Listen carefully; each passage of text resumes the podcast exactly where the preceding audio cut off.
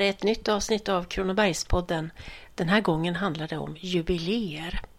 Det finns i och för sig alltid någonting att fira. Vartefter tiden går mognar precis allt så pass att det till sist får jubileumstatus. I brist på annat kan man alltid roa sig med att högtidlighålla olika temadagar som finns insprängda i almanackan nästan varenda dag. Internationella kvinnodagen, FN-dagen och Världsbokdagen delar nu plats i kalendern med sådana fenomen som kanelbullens dag, världshypnosdagen, krama en bibliotekariedagen eller varför inte slå till med att fira mjölkens dag den 1 juni.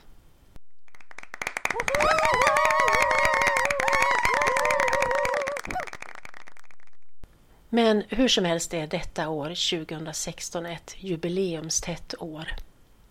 På hemmaplan har Växjö stadsbibliotek två märkesår att uppmärksamma. Det firar 350 år som institution sedan startåret 1666 samt 50-årsjubileum på plats i sin befintliga lokal. Ett annat jubileum som kommer att firas är att det är 250 år sedan den svenska tryckfrihetsförordningen tillkom år 1766. Vi vill också högtidlighålla 125-årsdagen av Per Lagerkvists födelse år 1891. Per Lagerkvist som föddes i Växjö och fick Nobelpriset i litteratur år 1951. Och som om det inte vore nog med det så är 2016 också utlyst som hembygdens år där landets hembygdsföreningar får tillfälle att slå ett slag för den betydelse som den lokala närmiljön har för demokrati och kulturliv och där regeringen har skjutit till pengar för att möjliggöra olika jubileumsevenemang. Orsaken till jubileet är att Sveriges hembygdsförbund, som är en av Sveriges största folkrörelser, firar 100-årsjubileum just i år.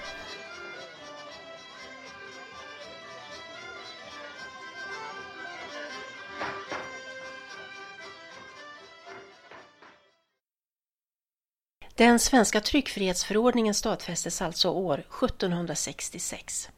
Den var den första i världen att reglera yttrandefriheten i tryckt form utan inblandning av censur.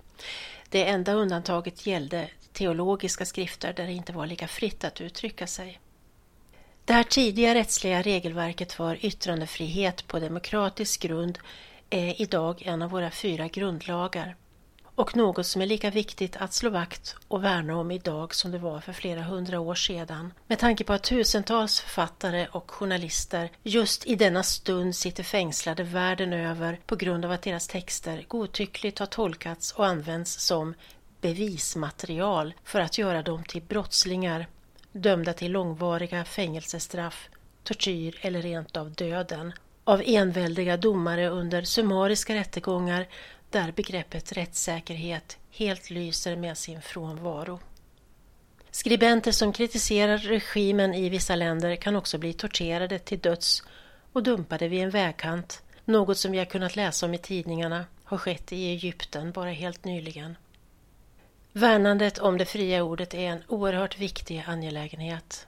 Och i år högtidlighåller vi att Sverige alltså redan för 250 år sedan slog vakt om denna demokratiska rättighet och införlivade den i det juridiska regelverket. Men ingen tryckfrihet utan tryckerier. Växjö har en gammal tryckerihistoria som går tillbaka till 1740-talet och där flera av boktryckarna titulerade sig Kungliga privilegierade boktryckare. Man tryckte både religiöst och världsligt material på både latin och svenska. Och det var inte ovanligt att när en boktryckare dog så fortsatte hans hustru rörelsen, antingen i egen regi, i samarbete med någon annan av stadens boktryckare eller genom att helt enkelt gifta om sig med en tryckare.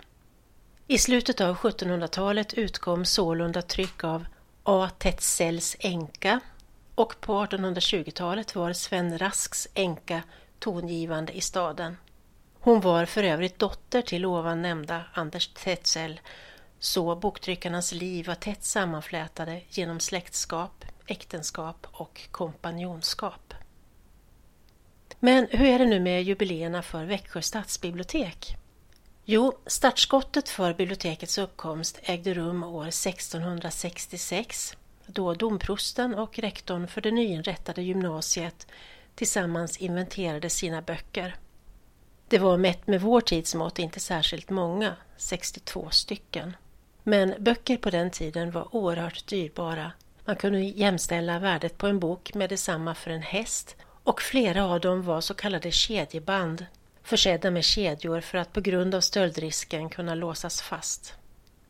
Bibliotekets allra första lokal fanns i ett av domkyrkans torn och där fanns det kvar under nästan 200 år innan det år 1851 flyttade över till Karolinerhuset strax bredvid. Detta började byggas med hjälp av ryska straffångar i slutet av 1600-talet med sten hämtad från Kronobergs slottsruin och det byggdes som ersättning för den tidigare gymnasiebyggnaden i trä som behövde rivas. Det är en oerhört vacker kulturminnesbyggnad där också Carl von Linné gick i skola. Men det gick inte i längden för ett modernt bibliotek att hålla till i en nästan 300 år gammal byggnad med högt i tak och där man måste använda långa stegar för att komma åt böckerna. Så man beslöt sig för att bygga ett nytt bibliotek och så kom det sig att den 4 februari 1966 firade man invigning av Växjö bibliotek i ny lokal. Fast på den tiden hette det Växjö stifts och landsbibliotek.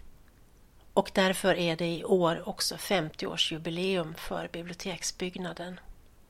Under detta år kommer dessa jubileer att belysas på olika sätt på biblioteket.